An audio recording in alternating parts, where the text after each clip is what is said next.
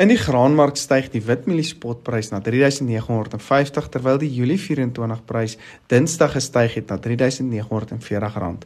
Die geelmielie spotprys styg ook oor die begin van die week na 3695 met die Julie 24 geelmielie prys hoër op R3835.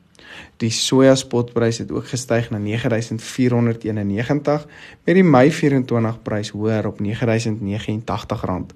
Die sonneblom spotprys het gestyg na R9100 terwyl die Mei 24 prys styg na R8900.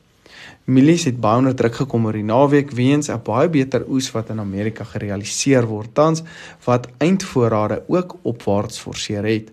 Dit lyk nou eerder na 'n rekord mielieoes in Amerika wat enige stygings van die laaste 2 maande soos hulle in hulle oesproses in beweeg het, en nou vinnig behoort uit te wis. Demand destruction, as ek die Engelse woord sou kan gebruik, het ook tot 'n groot mate plaasgevind in die afgelope paar jare weens die konstante hoër pryse wat ons gehad het. En sal die markte nou vir langer laer pryse moet handhaaf om weer bietjie vraag terug te wen in die markte. Mielie en soja pryse het oor die begin van die week gestyg soos genoem as gevolg van meer aankope van China op die oomblik met die droër weer in Brasil wat veral nou soja pryse verder opdruk.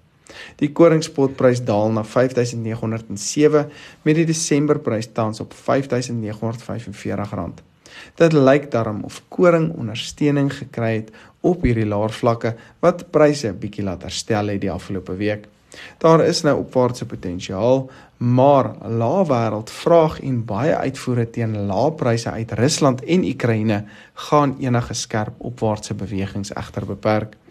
Verder het ons gesien dat die sorghum invoerpariteitsprys styg na R6262 per ton met uitgedopte grondbone vanaf Argentinië, ook hoër op R36575 per ton. Lucerne graad 1 pryse het ook gestyg na R3900 per ton.